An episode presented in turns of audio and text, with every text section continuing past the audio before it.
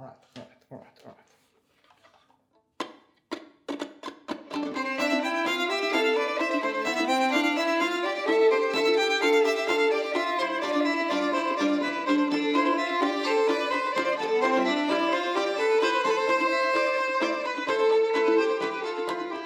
Velkommen til eh, Strykerpodden eh, i februar 2022. Jeg heter Brynjar Lien Skjulerud, og med meg har jeg som vanlig Anders Melhus. Hei, Anders. Hallo igjen. Ja, det er jo eh, allerede februar, og eh, det vil si det er januar nå, da, men når denne kommer ut, så er det jo februar, og det blei ikke noe januarutgave. For vi blei jo sendt hjem fra jobb i eh, midten av desember. Vil du fortelle hva som skjedde, Anders? Jeg har fortrengt det. Nei, det var jo en spesiell opplevelse, det siste prosjektet vi, vi skulle på, så ok, vi møter opp, men eh, vi går hjem igjen. Ja, det var rett og slett litt smitte i orkesteret, og vi satt trangt nede i en orkestergrav den uka og fick fikk beskjed om å ja, bare gå hjem fra jobb. Men i hvert fall, eh, det, det var det siste vi gjorde før jul. Det var jo midten av desember, og siden har jo ikke vi sett hverandre omtrent før nå i midten av januar. Det ble jo endringer også denne uka i forhold til programmet, for vi skulle vært fullt symfoniorkester. Åpning av Nordlysfestivalen. Det eh, blir åpning av Nordlysfestivalen, men det blir ikke med symfoniorkester, men med kammerorkesteret her, ledet denne uken av Miriam Helms Aarlien, som vi kjenner tidligere fra denne podden. Og hun er jo ikke bare med på Nordlysfestivalen, men hun har jo sin egen festival, Festivalta. Kan ikke du si litt om eh, programmet der, Anders?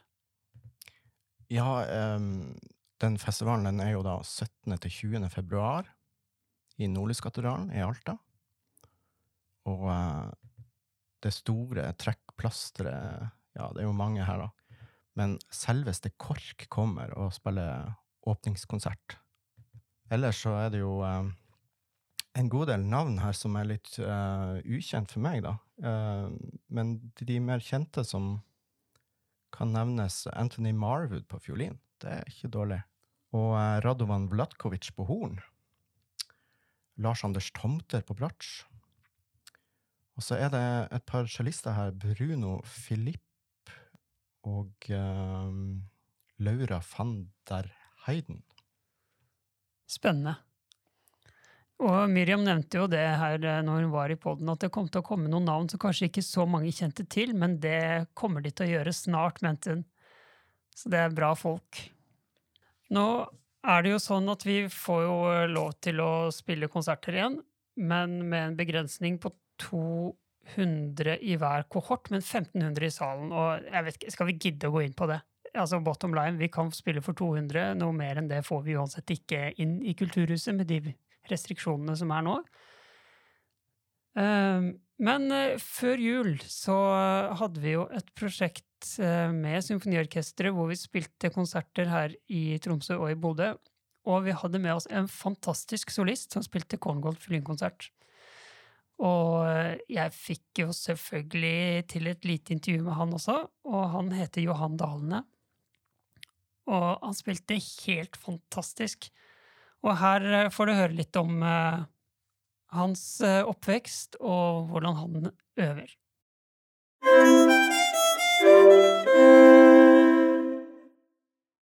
Ja, hjertelig velkommen til Strykerpodden, Johan Dalene. Tack så mycket. Eh, Du er jo faktisk vår første ikke-norske gjest, trodde jeg. Helt jeg fant ut at du er jo faktisk halvt norsk. Det stämmer precis. Alltså, ja, det, är ju en, det är ju en ära att vara här oavsett. Kul. Jag pratar ju inte norska tyvärr, men eh, men jag har haft norrman för min pappa är från Sannes. Ja. Eh, har släkt, släkt där och sånt. Liksom. Men vi har alltid kunnat kommunicera med varandra med svenska och norska. Så det, tyvärr så har jag aldrig behövt liksom, lägga ner tiden på att lära mig prata norska. Vilket är lite synd kanske. Men du förstår i alla fall norsk? Ja, precis. Ja. Förhoppningsvis. Eller Rogaland-dialekt? Ja, ja exakt. precis. Exakt. I den grad man kan kalle det norsk. Ehm, men da har vi fått avklart det. Altså, jeg trodde jo nå har vi endelig fått en svensk kanon, men det viser seg altså at du er halvt norsk. Just det. Ehm, og fint det, altså. Ehm, har du flere søsken som spiller, eller? Nej, faktiskt inte. Jag är eh, ensam barn, så Ja. väldigt bortskämd. Ehm, Men eh, jeg lurer på, da, da du var liten, eh, gikk du på sånn eh, kommunal musikkskole eller sånn, eller begynte du rett hos privat eh, Jag började på, på Kulturskolan i Norrköping, heter det, som jag, stället som jag är uppvuxen i. Ja. Ehm, det var egentligen, alltså, jag ville egentligen spela cello först, som min pappa. Ja, selvfølgelig. Ehm, och, ja, men jag såg ju, såg ju upp till honom, ville vara som honom. Liksom. Och så övade han mycket hemma. Så kom jag, på, eller jag, jag kommer ihåg att jag störde, eller jag har fått berättat i alla fall att jag störde honom väldigt mycket när han övade och kollade mycket och, sånt. Liksom, och blev väldigt intresserad av, av det. Så jag ville spela cello som han först, men eh, så var fiolläraren i Norrköping på Kulturskolan eh, som heter Päivikki Virka Malmqvist, finsk lärare. Hon var otroligt eh, bra liksom. Och, mina föräldrar ja, men, tänkte liksom att det vore nog kul om man testar i alla fall något annat. Att testa att spela något annat instrument än vad, än vad de gör. Eh, och då sa pappa att eh, du får testa att spela fiol i ett tag och så om du, om du inte vill göra det eh, efter några månader så får du byta till cello. Men eh, testa i alla fall och se. Och då, då fastnade jag när, jag när jag började där. Ja, og det gikk ganske fort i starten, da, eller? Jo, alltså jag hade ett stort intresse för det liksom, Mm. eh, i starten och en väldigt bra lärare i början. Så ja, i starten så absolut, och då gick det nog ganska, ganska fort. Hva var det som gjorde at du syntes det var så gøy? Jag vet inte, det var det kändes bara som det blev ens, ens grej typ. Och vi hade mycket så här, grupplektioner. Det var också, jag tror det var mycket sammanhållningen där också. Liksom. Man hade många kompisar som höll på med det. Ehm, ja, jag, jag vet inte riktigt, men, men jag, jag tyckte det var kul i alla fall. Det tror jeg er det viktigste. Mm. Man liker det man holder på med. Verkligen. Men hvordan var metodene, da? Sånn helt i Ja, starten? det var alltså, Husker du? tror jag bara, alltså, helt i starten, jag, jag kommer inte ihåg, men, jag höll på med Suzuki-metoden. Ja. Ehm, och det gjorde jag väl till, de har ju tio böcker tror jag, så jag höll på i alla fall typ sju böcker. Och sen så började jag spela lite, lite andra små stycken. Ehm, men, ja, men det var mycket också att vi hade ju så grupplektioner. Så det var mycket att vi spelade ja, finska typ tangos och grejer. Alltså vår lärare var ju finsk liksom. Och eh, ganska kända stycken som Schindler's list och Chardas och sånt spelade vi, spelade vi i grupp. Eh, men det var väldigt kul. Ja, tøft. Uh, hvilke lærere har du hatt sånn etterpå? Alltså det är egentligen det är alltså bara hon och eh, Per Enoksson som har varit min lärare de senaste 11 åren. En fantastisk eh, man på, på alla vis. Han, eh, eh, han har blivit nästan som en extra farbror på något sätt liksom och haft honom så länge. Eh, men det är någonting, han, han, är alltid, han är så extremt kunnig liksom om, inte bara om musiken men om instrumentet och han vet, han vet allt liksom. Eh, så det känns väldigt tryggt att spela för han är väldigt ärlig också. och Så, så det känns alltid tryggt att spela upp för honom.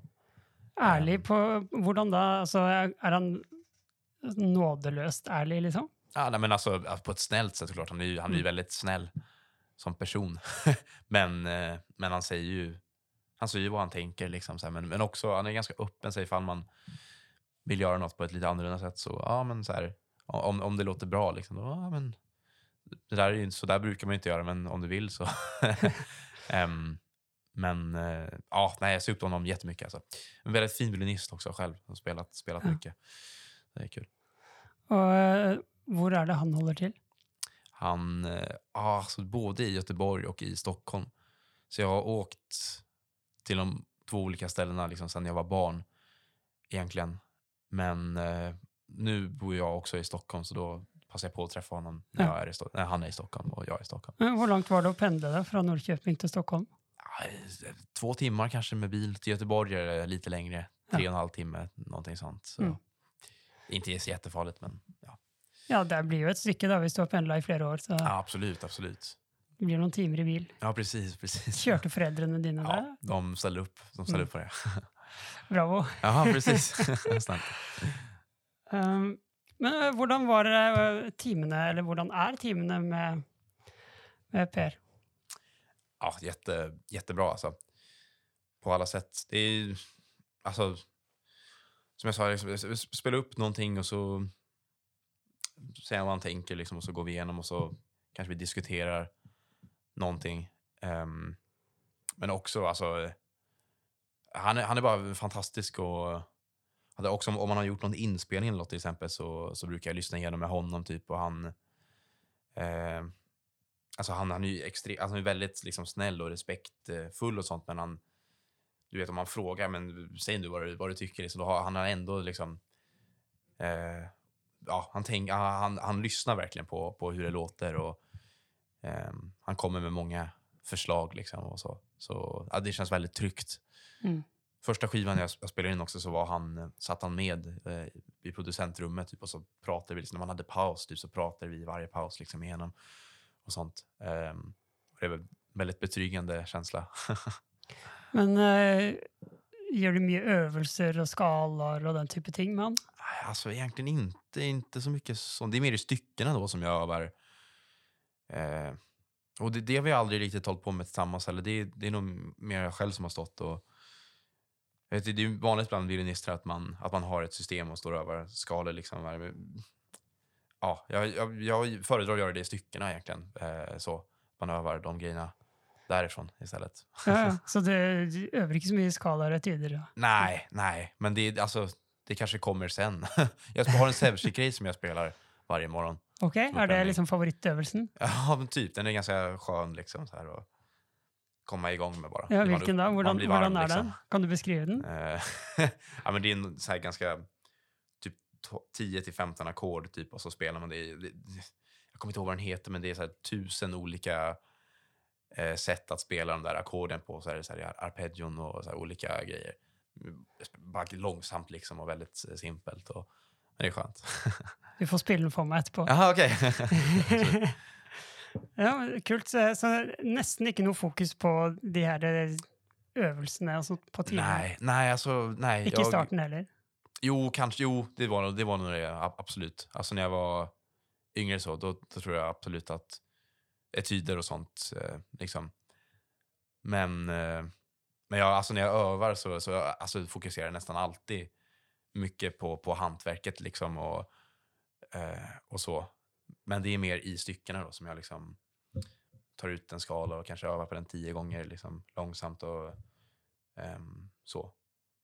Och så kan man ju öva mentalt också om man vill det och tänka igenom stycket och sånt. Men det är kanske mer musikaliskt, eh, hur man vill forma det på det viset. Liksom. Ja, hur gör du det sån, uh, konkret om du ska öva mentalt? Sätter du dig ner i ett stilla rum och liksom, nu ska jag öva eller är det medan du sitter på bussen? Jag kan, jag kan, man kan göra det lite vart som helst egentligen. Um, bara fint att liksom tänka igenom. Ibland så kan man inte, kan man inte få det där i huvudet eller om man har tänkt på typ en fras som man vill ha den liksom, och, så, och så kan man typ inte sluta tänka på det. Det är lite irriterande. men, uh, um, ja, men jag, jag, tycker att det är fint alltså, ibland när man, om man känner att man inte har något att göra ska man öva lite mentalt. Liksom. men uh, hur mycket övar du som mentalt? Då? Har du något begrepp om det? Nej, alltså inte. Det är mer, mer med instrumentet alltså, som jag konkret liksom står och, står och gnider. Ja. um, det kan ju vara kanske tre till sex timmar på en dag. Typ, och lite, det beror lite på. Ibland kan det bli, alltså om jag inte har tid så kan det bli ännu mindre, men ibland kan det bli mer också ifall jag har väldigt mycket att göra. Um, men eh, jag tror ju såklart, som alla säger på den här eh, talesättet att man ska hellre öva effektivt och inte för, för länge än, än tvärtom såklart. um. ja. Uh, men om du säger du skulle, du spelar Corncon med oss uh, mm. Igår och ikväll uh, en gång till och det låter helt kanonbra. Det måste jag bara berömma dig för. Det låter så fint. Uh, för de som inte har hört Johan Dahlne, alltså löp och köp biljetter till nästa konsert. Men du spelar den för första gången. Ja, precis. Exakt. Uh, hvordan gikk du fram när du skulle begynne å øve på en ny konsert som du inte har spelat før? Uh, alltså egentligen... Jag lyssnar, jag lyssnar ju på den innan jag... Alltså, ibland så kan man inte lyssna på något ifall det inte är inspelat. Liksom. Eh, men, men jag lyssnar på det. försök, försöker inte lyssna för mycket dock för att man liksom ska försöka kunna skapa sin egen uppfattning om stycket. Eh, och sen så har vi en pro process typ som ofta ser ganska likadan ut. Att jag börjar liksom med att ja, men lära mig typ en sats. Liksom. Eh, och inte, inte liksom för noggrant, utan jag, jag lär mig liksom en sats och så sen efter jag har lärt mig den så, så börjar jag jobba alltså, detaljerat. Liksom. Um, så kanske man spenderar några timmar per sida typ eller, eller någonting sånt och så tills man känner att man så och sen så försöker spela igenom den. Jag, jag har ju tur som har en mamma som är pianist också. Så jag har det privilegiet att jag kan spela igenom så här, konserter med henne liksom på förväg. Um, och så såklart läsa, läsa i partituret och lite i pianostämmen så man vet vad som händer lite i orkestern och, Mm. eh, och så. Um, men, eh, ja, nej, men det är på alla, alla möjliga sätt liksom också att man nej, men mentalt att man liksom kollar igenom och tänker okay, men hur vill jag liksom spela den här frasen typ och, och så. Jag tror att övning också, alltså jag tror ändå att det är väldigt personligt. Jag vet att jag föredrar att öva väldigt liksom långsamt. Och det är, det är många som, som gör det också, men vissa vet jag gör typ inte det. Och det går jättebra för dem ändå. Så här. Ehm, men, men det är kanske vad man föredrar lite och, och så. Liksom. Men eh, altså, du hører på, på innspillinger først hvis det fins, da. Mm. Og lærer deg liksom litt og litt. Eh, hvordan bestemmer du deg for en tolkning til slutt? Ja, det är det som är... Man försöker ju liksom inte... Jag tror att det hjälper att man inte lyssnar för mycket på det heller innan. Alltså någon annans... Även om det kan vara fantastiska inspelningar och klart jättekul att lyssna på så ändå försöka liksom hitta vad man själv... Jag tror bara det handlar om att när man övar på det, att man liksom tänker på varenda fras typ, och sen försöker tänka på helheten. Spela in mig själv så här, och så lyssnar typ. Och, um, och, så, och så blir det vad det blir, liksom, helt enkelt. Men då har man förhoppningsvis satt någonting av sig själv i, i stycket. Ehm, ja, att, det liksom, att man spelar så att det känns naturligt för en själv. Och alla de här komponenterna, liksom, vad man tycker om, om sound och, ehm, och frasering och sånt. Och till, till slut så blir det ju att det kanske låter eget. Liksom. Uh, nå er jo du sikkert veldig mye ute og reiser og gjør veldig mye forskjellige ting. Så jeg vet ikke um, Har du en type hverdag, eller? Ja, absolut.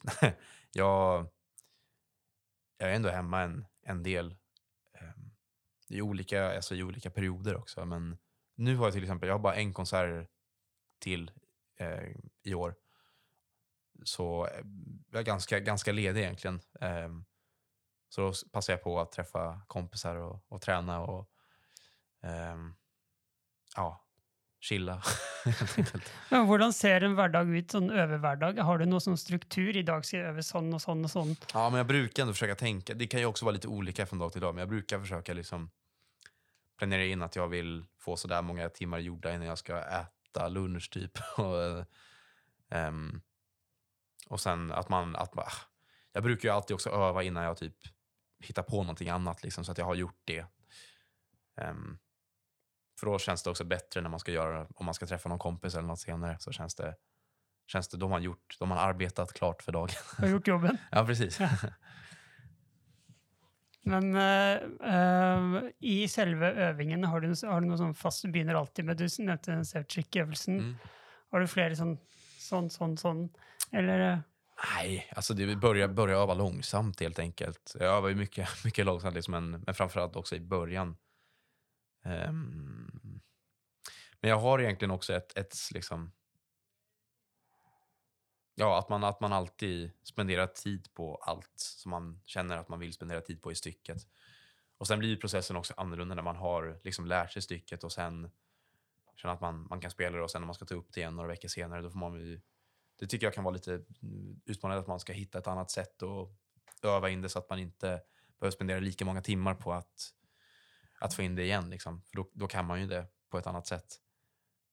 Ehm, mm. Men før en konsert, har du noen sånne nøkkeløkter, som jeg kaller det? Altså for eksempel typ tre uker før du skal spille korngolf for første gang, at Mm. du spiller gjennom for noen du kjenner, eller har du Ja, men det, sånn- det är ju alltid fint att spela, alltså, spela igenom stycket. Spela igenom det för, för en lärare typ eller för, för en vän. mm. Har du noen som som du syns er ekstra bra å spille gjennom for andre enn læreren din? Absolut, mina, mina föräldrar. Ja. Mycket, men de är musiker själva. Ja. Så jag spelar, spelar upp mycket för dem. Alltså. Och, eh, Da vet du at du får en ærlig ja, tilbakemelding. verkligen. Precis. Ja. det är bra. Er flere som har nevnt det, hvor viktig det er å få liksom, noen personer Ja, som, det är som man vet att som det man är... stoler på, Jo, verkligen. og verkligen. ikke liksom eh, legger noe imellom. Nej, nej det, är, det är verkligen viktigt. Ja. Eh, hvilke verktøy er det du bruker mest når du liksom skal øve deg en vanskelig passasje, øve inn en vanskelig passasje? Eh, du nevnte at du my- øver mye langsomt. Er det andre Ja, alltså ryt- rytmiseringar med metronom övar jag mycket. Ehm, det är faktiskt eh, underskattat tycker jag, över metronom, alltså om man ska spela något snabbt. Um, och uh, sen, ja men spela in sig själv, liksom lyssna. Och också kunna försöka avgöra vad det är som, som inte funkar ifall det är någonting som inte funkar. För man kan ju säga oftast att okej, men jag, jag kan inte spela typ den här det här stycket, okej, men vad är det du inte kan spela? Liksom? Ja, men det är den här, den här sidan, okej, vad är den där sidan du inte kan spela? Så, ja, men det är det där, typ. Att man kan hitta ut de grejerna och att man övar på det. Jag tror att, alltså, typ, att filma sig själv när man, när man övar och sånt, jag tror att det är väldigt nyttigt egentligen. Speciellt om man tror att man spelar någonting bra. Så här. För då får, Mm. man, då får man ganska ärlig, ändå så här, då kan man se sig själv på ett mer objektivt sätt tycker jag. Än om man står och spelar bara i stunden. Liksom. Ja, så d- du Mm. bruker video, Ja, men bara på telefonen liksom. Så här Jo. ibland. Ja. men ikke Mm. bare lyd. Nej, nej. Eller det, ljud, jo, ibland också, men, men mest, mest bara video. Bara för att det är lätt att sätta på. Typ. Ja, Så, ja. det har blitt veldig lett. ja, men verkligen. Så bra. Ehm, du var jo medlem av det eh, Du ble tatt opp i det her Crescendo-programmet i Just Norge. det. Just det. Eh, hvordan var det? Fantastiskt på alla sätt. Verkligen. Hva innebærer det? Alltså det är ju att man... Eh, alltså det, det inne- innebär många grejer. Man får ju spela på, på en del festivaler. Um, jättefina ställen. Alltså vi spelade på Festspelen i Bergen spelade vi några gånger. Och sen så spelade vi eh, i Utrecht på Janine Jansens festival som också var otroligt kul. Um, och så, men det, jag tror att Crescendo framförallt handlar om att man liksom ska möta de här mentorerna eh, som finns. Det är ju Leif Ove Ansnes är en av, en av dem. Och Janine Jansen har också varit en ganska fast mentor. Sen har det varit några andra fantastiska musiker som, som vi har spelat lite för så, så här. Men det där att man spelar typ ihop med mentorerna och får se hur de repar. um, och uh, ja, men lära känna dem lite och få, kan liksom prata med dem och så här, fråga hur jag har någon som är stöttande liksom, på, på det sättet. Det är alltså, otroligt, otroligt viktigt. Och, um, ja, men sån, någon sån som typ Leif Ove Ansnes och se hur han, hur han repar. Liksom, om, man, om man spelar, vi spelar några grejer med honom liksom, och så se bara hur hans entusiasm för musiken och ehm, ja, det, är väldigt, det var väldigt inspirerande. Alltså. Det var fantastiskt på alla, alla sätt. Det var väldigt, väldigt fina andra musiker som, som har varit med i programmet också. Går det an å si noe mer spesifikt om øvemetodene som Leif Ove brukte, eller Janine Jansen, for den saks skyld? Ja, nej, men eh, det, det, man kunde se hos dem eh, båda.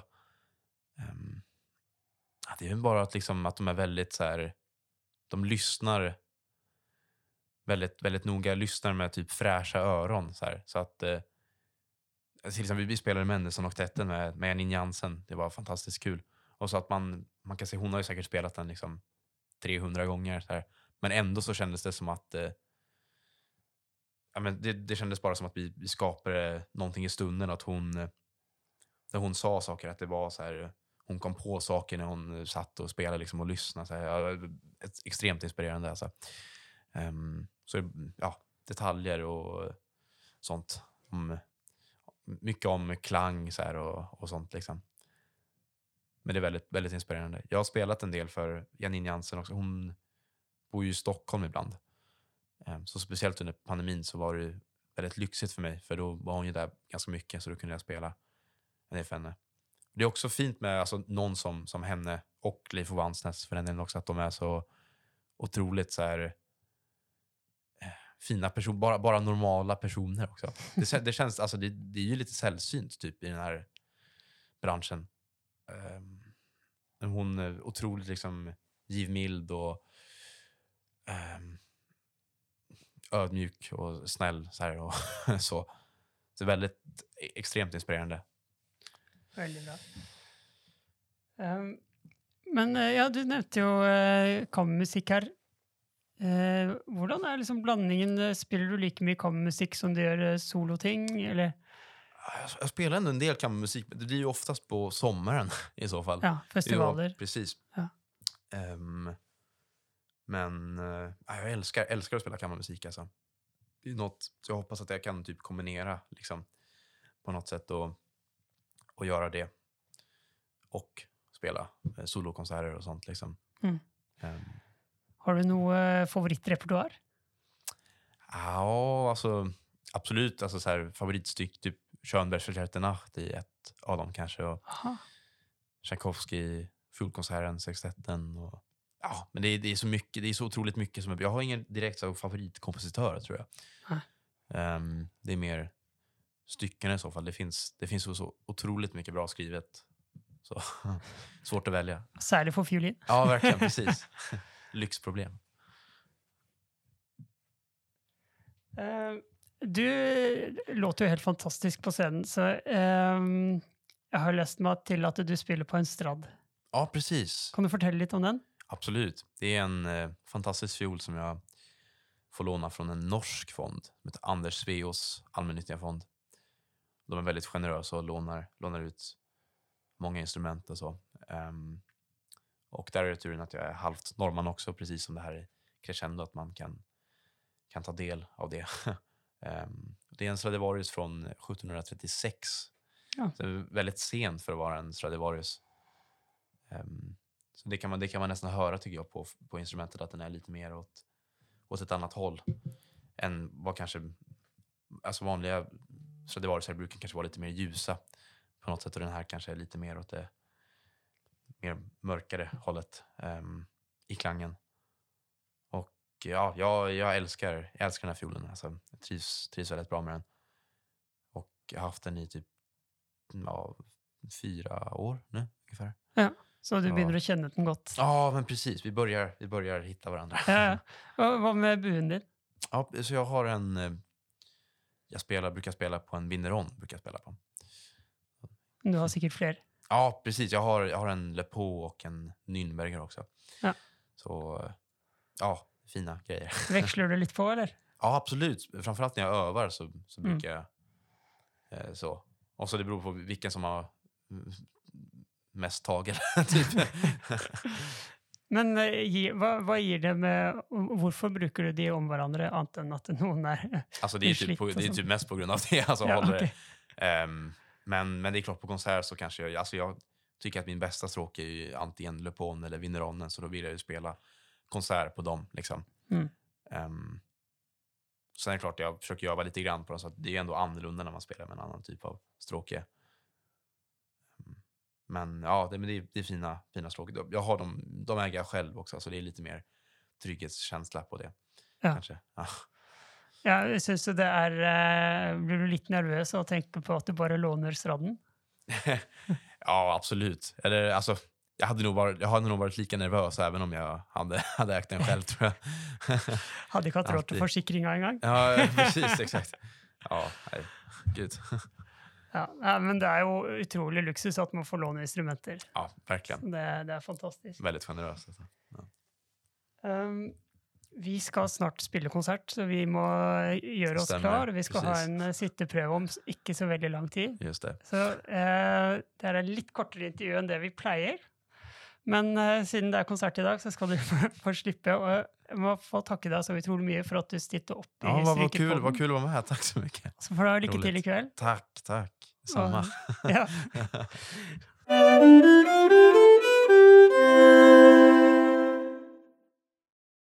Ah, ja, for en herlig fyr.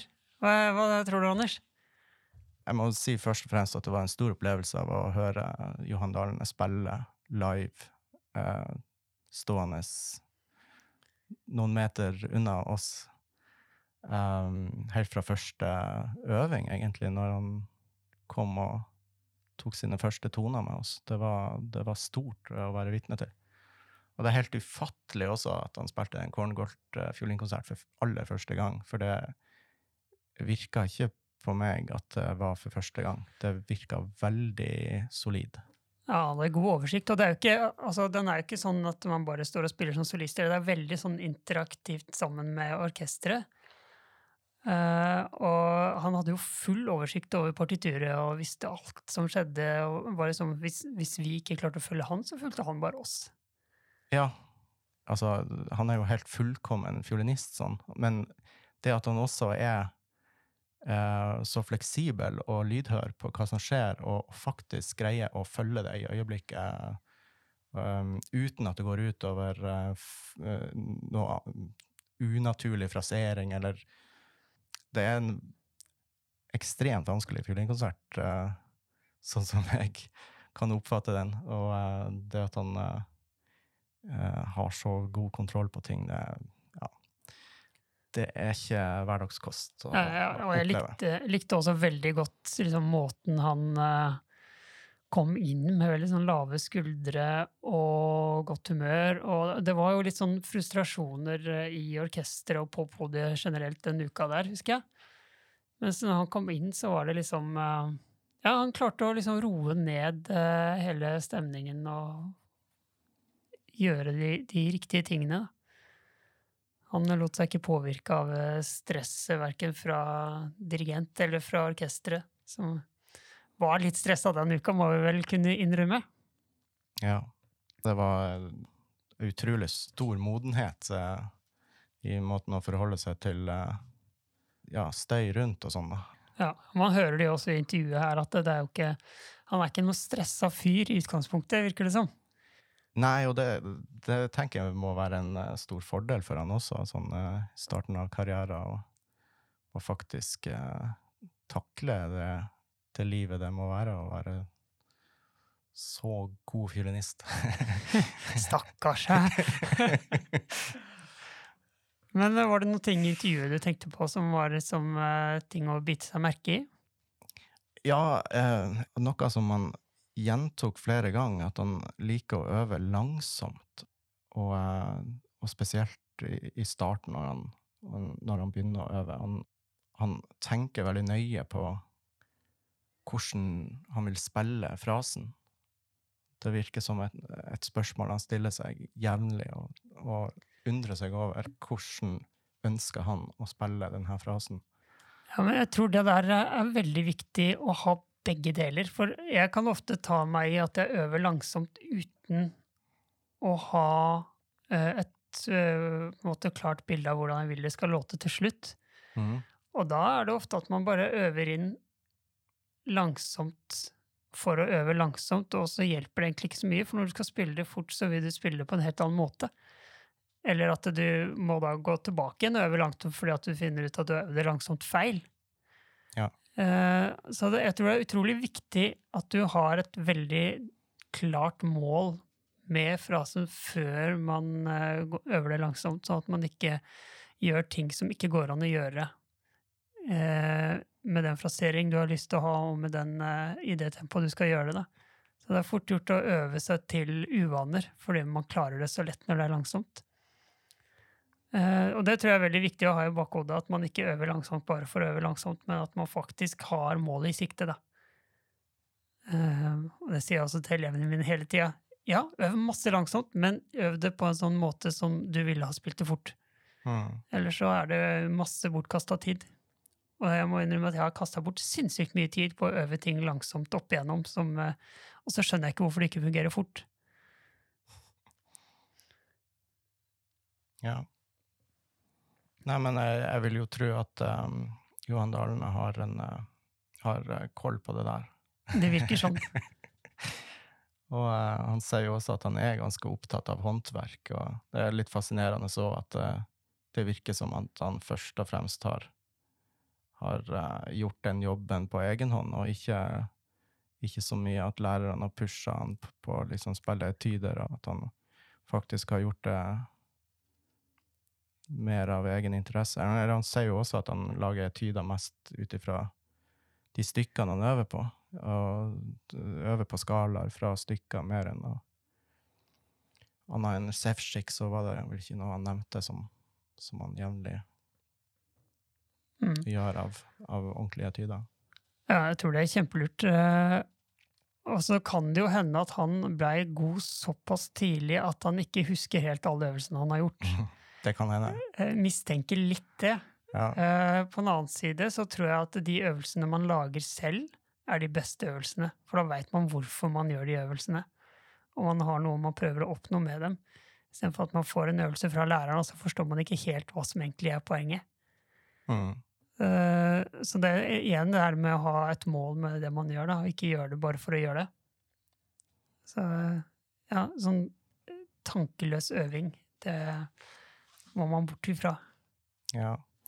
Nei, men jag, tror- jeg tror också att han, det må vara ett eller annet eh, i bunnen här. eh, altså selvfølgelig, begge foreldrene er, er musikere men äh, så han har säkert goda gener där och sånt. Men eh, jag läste en et intervju med hans lärare Per Enoksson för en god del år sedan. Jag jeg tok og friska opp for noen dager siden och og det igen. Ligger på nätet. Um, og det er et intervju som er vel for over ti år siden, kanskje, eller ca. ti år siden. Så omtalte han Johan Dalene, som, da, som var hans yngste elev da, som Mm. var ti år den gangen, at han bare spiller. Ja. sånn en naturlig begavning. Og um, det fins jo noen opptak på YouTube når han spiller sigøynervisen og i den alderen, og, og det, man kan virkelig bare se at han, han bare spiller, liksom. Ja. Nei, altså, han, det lå nok eh, uvanlig lett for han, eh, det med å spille fiolin. eh. Samtidig så tror jeg det er noe med hele fyren, på en måte, tilnærmingen hans og, og den roen som virker som han har, da. Som bare gjør at han får til alt veldig fort. Mm. Og så sier han jo at han eh, sponderer, spanderer tid på alt som han føler, føler å spandere tid på i stykket. Altså, det virker jo ikke som han eh, øver lite heller, da. Altså, han vil gjerne komme i gang før lunsj og, og føle Altså, før han gjør andre ting med kompisene, så vil han gjerne ha følt at denne dagen har jeg faktisk jobba litt også, liksom. Mm. Ja, det er jo litt sånn drømmesituasjon, da, spør du meg, å kunne bare øve på formiddagen, og så gjøre hva du vil på ettermiddagen. Mens vi som eh, ja, har en jobb, må kanskje stå opp tidlig for å rekke å øve en halvtime før jobb, og så øh, øve på ettermiddagen og kvelden med unger og, som skal hit og dit, og, og sånn. Så det er liksom et annet puslespill, da. Men eh, det at han øver fire-fem timer om dagen, det tar jeg nesten som en selvfølge når han er på det nivået han er, og, og har den karrieren han har, da. Mm. Så må man jo Altså, det er mye å lære. Mye repertoar. Ja. Eh, Men eh, på den annen side, hvis jeg skulle spandert all den tida jeg følte fortjente på hvert parti jeg skulle øve inn, så hadde jeg ikke gjort annet enn å øve. For jeg er ikke så kjapp som han, tror jeg. Og det er jo eh, beundringsverdig at han får det til. Også litt kult at han tar og spiller jevnlig for Janine Jansen. Ja, det er sikkert ikke dumt, det. Nei. Så, ja, Han fortalte om det her Crescendo-programmet. Det tror jeg nå er avslutta. Ok. hele programmet, men han syntes jo at det hadde vært kjempebra. Eh, så det er vel kanskje eh, Ja, vi må spørre noen flere rett og slett som har vært med der og hørte hvordan de har syntes det har vært. Men han virka jo som han syntes det var supert. å få muligheten til å spille med, med Jansen og med Ansnes og flere. Ja. Det er jo et fantastisk opptak på YouTube når de spiller Mendelssohns oktett. eh, Da er det jo flere nordmenn involvert også. Mm. Sikkert fra det samme programmet. Det er noe av det beste jeg har hørt eh, Mendelssohns oktett. Så det er verdt å se. Nei, men eh, skal vi si at det holder for denne gang, Anders? Og så høres vi igjen eh, i mars, forhåpentligvis, hvis vi klarer å holde oss friske og på jobb. Så ønsker jeg alle sammen en eh, nydelig februar, og høres igjen da i mars. Ha det bra.